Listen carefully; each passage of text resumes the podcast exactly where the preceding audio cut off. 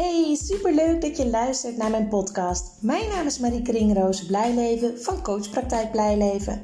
Ik ben motivatiespecialist voor tieners en hun ouders. In deze podcast geef ik informatie, inspiratie, tips en tools voor meer positiviteit in de puberteit. Het is namelijk mijn missie om het onnodig afstromen, dubleren en zakken voor het eindexamen terug te dringen in heel Nederland. Ik weet inmiddels uit ervaring dat als het contact tussen ouder en tiener positief is, dat dat direct effect heeft op het welbevinden en de schoolresultaten van een tiener. Een motivatieprobleem is namelijk een gevolg, geen oorzaak.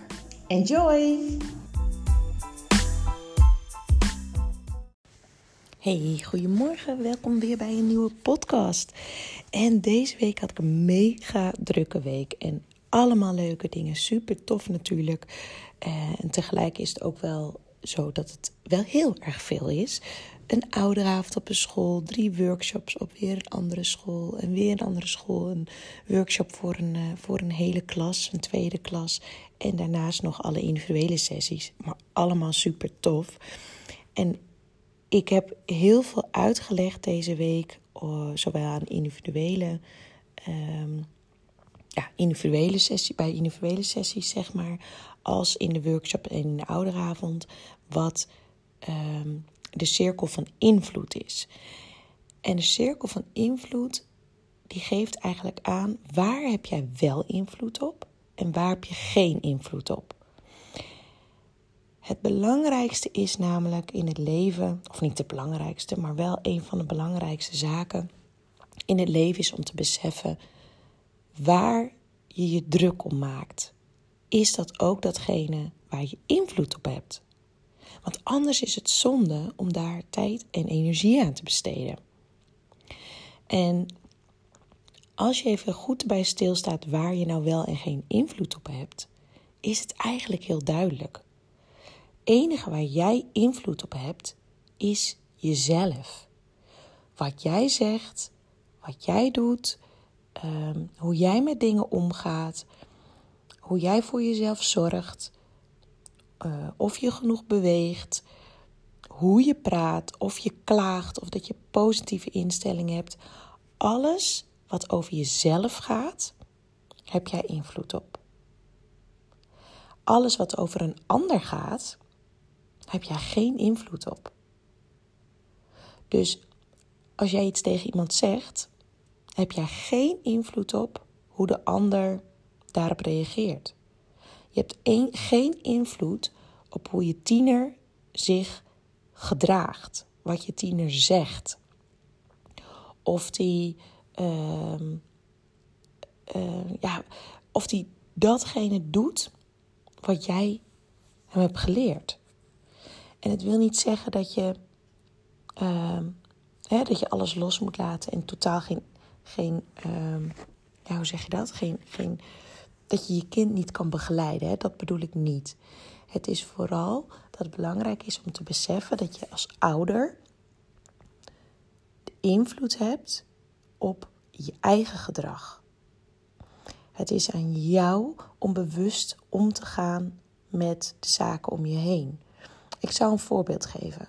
Ik heb de laatste tijd heel veel gesprekken met ouders over tieners die te laat thuiskomen, liegen, um, verkeerde vrienden hebben voor het gevoel van ouders, allemaal dat soort zaken. We maken ons daar ontzettend druk om en dat is logisch. We zijn ouders, we, voelen ons verantwoordelijk voor ons kind. We, uh, hè, we, willen, we willen ons kind het beste meegeven. En tegelijk is het juist belangrijk in deze situaties om te beseffen waar je wel en geen invloed op hebt.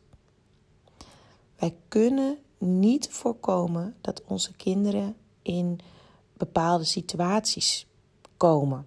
Het enige wat wij kunnen doen is onze kinderen zo goed mogelijk voorbereiden op het leren omgaan met verschillende situaties. En daarbij blijft het contact tussen ouder en tiener echt zo belangrijk. Dus als je opgefokt bent, is het goed om bij jezelf na te gaan: waar ben ik door opgefokt? Wat is nou echt de kern? Is het dat mijn tiener een half uur te laat is? Waarschijnlijk niet. Waarschijnlijk zit het er meer in dat je het gevoel hebt dat je tiener je niet serieus neemt. Dat je de controle verliest. Um, misschien maak je je zorgen of er iets aan de hand is. Of denk je, ja, misschien neem ik het nu voor lief dat ze te laat zijn. Terwijl er nu wat is gebeurd, bijvoorbeeld. Wat zit er achter die zorg, achter die boosheid, achter die frustratie? Dat is iets waar jij zelf uh, iets mee kan. En rondom je tiener blijf vooral het gesprek aangaan en wees nieuwsgierig waardoor het komt dat hij of zij te laat komt, elke keer weer. Wat, wat zit daarachter? En door hier heel bewust mee bezig te zijn met waar jij invloed op hebt en waar niet, geeft het een soort van rust. Als je je namelijk heel druk maakt over zaken waar je toch geen invloed op hebt, dan dat is verloren tijd en verloren energie. Waar je wel invloed op hebt, is hoe jij ermee omgaat. Je mindset, je gedrag. En daarin is aan je tiener laten zien hoe jij vindt dat uh, goed gedrag bijvoorbeeld eruit ziet, of een positieve mindset, of het maken van verstandige keuzes, dat je dat ook zelf laat zien. Een kind neemt een ouder niet serieus die zegt: Je moet nooit gaan roken, ik wil niet dat je rookt. En vervolgens zelf wel loopt te roken. Dus laat zien wat je ook van je tiener wil zien. En daarin is het ook heel mooi om een challenge met jezelf aan te gaan. Om zeven dagen lang te stoppen met klagen. Zeven dagen lang positief te denken in de zin van welke invloed heb ik in deze situatie? Wat is mijn aandeel hierin? Wat kan ik doen om anders met deze situatie om te gaan? Elke keer dat je merkt dat je de neiging hebt tot klagen of negatief denken, bedenk welke invloed je hebt. Wat kan jij aan deze situatie doen zodat het oké wordt? Het gedrag van tieners rondom schoolwerk bijvoorbeeld is voor ouders mega frustrerend. Mijn tiener zit de hele dag op zijn kamer, maar is alleen maar aan het gamen, aan bellen um, enzovoort. Filmpjes kijken. Doet, naar mijn idee, niks voor school. Kan je heel druk om maken. Je kan heel erg gaan controleren maar ik weet inmiddels uit alle gesprekken die ik heb gehad in mijn praktijk en op ouderavonden dat het averechts werkt. Zodra je zegt: heb je nog huiswerk, ga je nog wat leren, haken ze eigenlijk al af. Ook als ze van plan waren om ermee te gaan starten. Ze willen het zelf doen. En ook al kunnen ze het nog niet allemaal zelf, het is ook een proces om het te leren. En ik moet zeggen, mijn oudste zoon zit nu in de tweede klas van de middelbare school. Ik besef steeds meer dat het zijn proces is. En dat het iets van mij is dat ik het hem gun dat hij uh, goede cijfers haalt. En goed in de zin van voldoendes. Het is iets van mij dat ik hem gun dat hij hetzelfde niveau mag blijven doen dat hij in één keer overgaat naar het volgende leerjaar. is allemaal iets van mij. Het is zijn proces om uit te, vinden, uit te zoeken, uit te vinden welke, welke leerstijl bij hem past. Hoeveel hij moet doen aan zijn huiswerk hè, en het leerwerk voordat hij een voldoende haalt. Dat is zijn proces. Door de keuze te maken om te gaan gamen en minder tijd aan huiswerk te besteden en daardoor je toets niet goed genoeg te maken, is zijn proces. Hij heeft nu twee keer ehm, eh, wiskunde helemaal zelf voorbereid. We hebben er helemaal geen omkijken naar gehad. We houden ons hart vast elke keer als hij dan een toets heeft. Maar nogmaals, het is zijn proces. Dat zeg ik echt wel honderd keer per dag tegen mezelf. Nou, nu gaat het makkelijker, maar in het begin zei ik dat echt heel vaak tegen mezelf.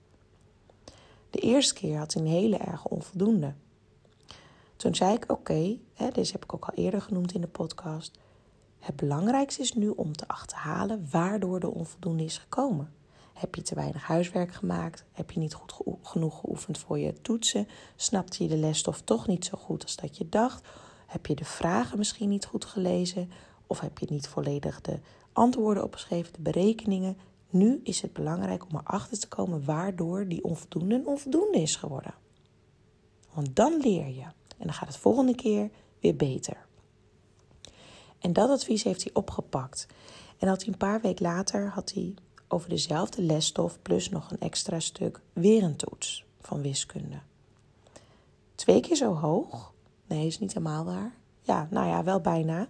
Maar nog wel een onvoldoende. Maar wel beter gedaan. En nu zei hij gisteren: Pap, wil jij me volgende keer helpen met het voorbereiden van een wiskundetoets? Want ik merk dat ik het toch wel lastig vind. En dan gaat er bij mij in mijn hoofd een yes. Hij is er nu twee keer tegenaan gelopen dat hij voor zijn gevoel zijn best heeft gedaan, zo goed mogelijk heeft voorbereid, maar toch nog net niet goed genoeg bleef te zijn. En nu vraagt hij hulp. En dat is voor mij weer een bevestiging, ja, dit is zijn proces. Zolang hij denkt dat hij het zelf kan en wij dat vertrouwen hem niet geven, zal hij continu het idee hebben dat wij overdreven veel er bovenop zitten. Dat hij best wel wat minder bijvoorbeeld kan doen. Nu ervaart hij zelf, door hoe hij ermee omgaat en de komen twee keer onvoldoendes, dat het toch niet genoeg is en dat hij toch iets anders moet doen. En dat hij niet precies weet wat hij dan anders moet doen. Want die tweede keer heeft hij anders aangepakt, maar toch was het weer niet voldoende. En dit is precies wat wij nu hier thuis wilden bereiken. Zijn eigen proces ervaren. En dat wij hem dat ook gunnen. En loslaten hoe het jaar uiteindelijk eindigt, zeg maar. Het belangrijkste is wat hij leert. Dat hij tegen dingen aan gaat lopen. Dat hij er gaat ervaren wat werkt en wat niet werkt. Gaat ervaren welke vakken hij zelf kan en welke vakken hij misschien hulp nodig heeft. Dat hij gaat ervaren hoe hij het beste zijn tijd kan indelen. En wij staan continu voor hem klaar als hij hulp nodig heeft. En continu wel binnen onze grenzen bedoel ik. Kijk, hij hoeft niet s'avonds om tien uur nog te vragen om hulp, want die krijgt hij dan niet. En dat weet hij. En ik merk gewoon dat als ik met tieners praat, dat zij het eerste wat zij eigenlijk zeggen is dat ze een slechte docent hebben, dat hun ouders zo lopen te pushen. Ze zijn helemaal niet met zichzelf bezig. Ze zijn alleen maar bezig met wat anderen allemaal fout doen.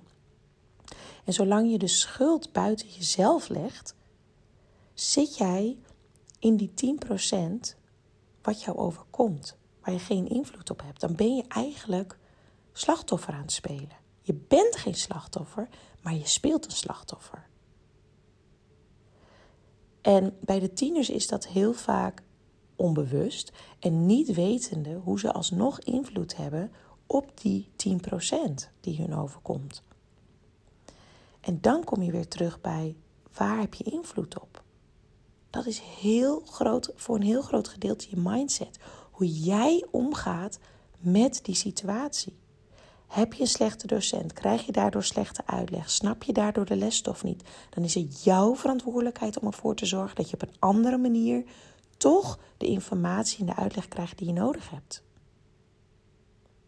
Zitten je ouders er bovenop, dan is het jouw eigen verantwoordelijkheid om daar iets mee te doen. Om in gesprek te gaan met je ouders. Om in gedrag te laten zien dat je bepaalde dingen aan kan, dat je bepaalde verantwoordelijkheden neemt. En ik denk, maar dat is puur waar ik nu ook in zit in het proces met mijn oudste. Dus dat is mijn kijk erop. Dat wij als ouders niet het proces, het leerproces van onze kinderen moeten willen overnemen. Tuurlijk kan je motiveren en stimuleren, maar de vraag is hoe je dat moet doen. Is het motiverend als je continu er bovenop zit en zegt dat hij meer moet doen, meer moet doen, meer moet doen? Of is het motiverend om hem het vertrouwen te geven dat hij het kan? En dat hij met vallen en opstaan het mag leren. En dat hij er elke dag beter in zal worden. En dat als er nu een onvoldoende is, dat die volgende keer hoger is. En ook al is het weer een onvoldoende, als het maar hoger is dan de keer daarvoor. En op die manier kom je steeds dichter bij die voldoendes. En dan voelen ze ook dat ze het vanuit eigen kracht doen. Dat ze het zelf kunnen. En zolang wij het blijven overnemen en ons kind blijven redden, vraag ik me af hoeveel ze er echt van leren. Want ze blijven in de weerstand zitten. Het wordt niet hun eigen motivatie. Het is motivatie. Gecontroleerde motivatie. En als je hun het proces gunt, dan gaan ze ervaren dat ze steeds beter in iets worden. Ze gaan ervaren dat ze baas zijn over hun eigen tijd, hun eigen leven.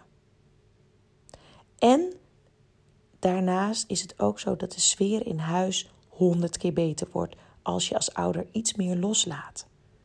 En als de sfeer beter wordt, is de sociale verbondenheid tussen jou en je tiener positiever. Die batterij is verder opgeladen.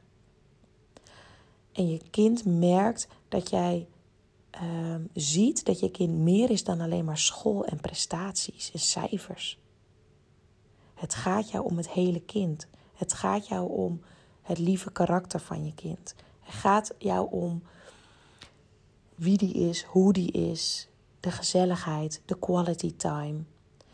En als je alles zo op een rijtje zet, zijn dat precies de drie batterijen van motivatie, waar motivatie door ontstaat. De eerste autonomie, oftewel eigen keuzes maken. Het gevoel hebben zelf de touwtjes in handen te hebben. Um, die eigen manier kiezen. Inspraak hebben in hoe je dingen aanpakt. Autonomiebatterij. Wordt opgeladen zodra je je kind meer ruimte geeft. De tweede, de competentie, het gevoel hebben dat je ergens goed in bent of dat je het kan leren. Als je tiener merkt dat hij steeds beter gaat presteren doordat hij het proces verandert, merkt hij dat hij ergens beter in wordt. Heeft hij het gevoel dat hij ergens goed in aan het worden is?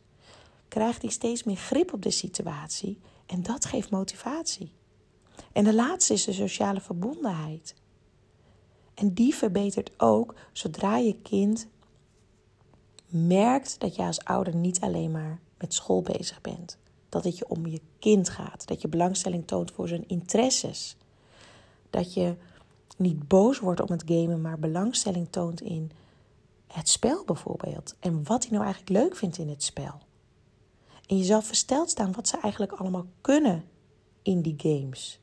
Ik vind het echt knap. Ik heb wel eens meegegamed en ik ging alleen maar dood. het is echt super waardevol om die drie batterijen, om daar bewust van te zijn, om je kind de ruimte te geven om zijn eigen proces te doorlopen en af te stappen van de druk van het presteren. Het gaat in het leven niet om de cijfers en de prestaties. Het gaat om het proces daarvoor.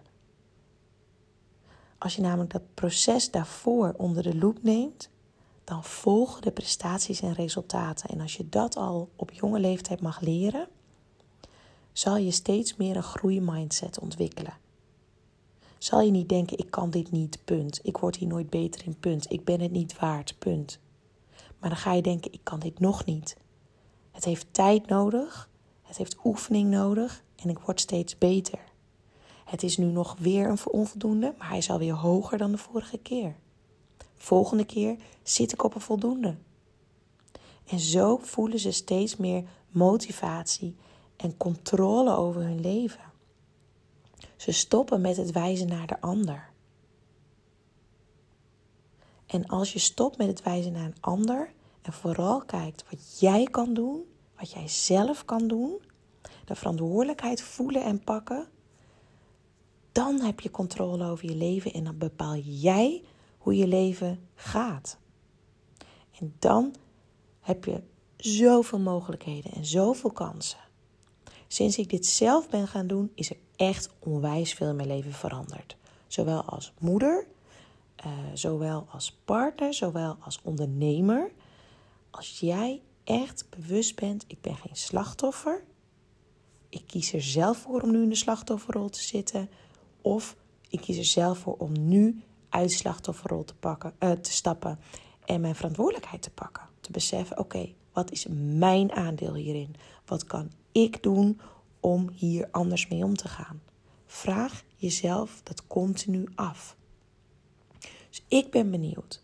Ga jij samen met mij de challenge aan om de komende zeven dagen te stoppen met klagen? En als je ergens mee stopt, begin je dus ook ergens mee. Dus dat is beginnen, starten met de focus leggen op het positieve. Om de focus te leggen op je eigen verantwoordelijkheid. Dus als je merkt dat je klaagt, direct denkt: oké, wat kan ik hieraan doen om de situatie een wending te geven? Om er iets positiefs van te maken. Om datgene te krijgen waar ik behoefte aan heb. Ik ben benieuwd. Laat het me weten via een DM'tje, via Instagram, via Facebook, via een WhatsApp berichtje. En ik ben heel benieuwd. En als je meedoet, tag mij, deel deze podcast, tag mij en zet erbij. Ik doe mee met de challenge 7 dagen klaagvrij. Of 7 dagen eigen verantwoordelijkheid pakken. Bewust worden van je eigen verantwoordelijkheid. Ik ben heel benieuwd. Ik vind het super tof om te, om te weten wie deze podcast heeft geluisterd. Um, en ik wens jullie natuurlijk een super fijn weekend. Doei doei!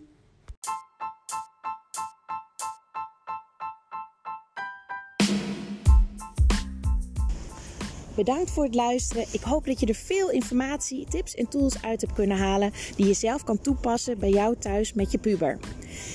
Hoe tof zou het zijn als het lukt om landelijk het aantal onnodige zakkers, dublanten en afstromers terug te dringen?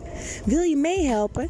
Deel dan mijn podcast zo vaak mogelijk op social media of mijn berichten en tag mij erin, want ik vind het super tof om te weten wie er luistert naar mijn podcast en wie mijn berichten bekijkt. Ken je een moeder of een vader of een docent die deze informatie ook kan gebruiken? Deel het, want zo zorgen we ervoor dat heel Nederland positiever in de puberteit wordt. Yes, dankjewel.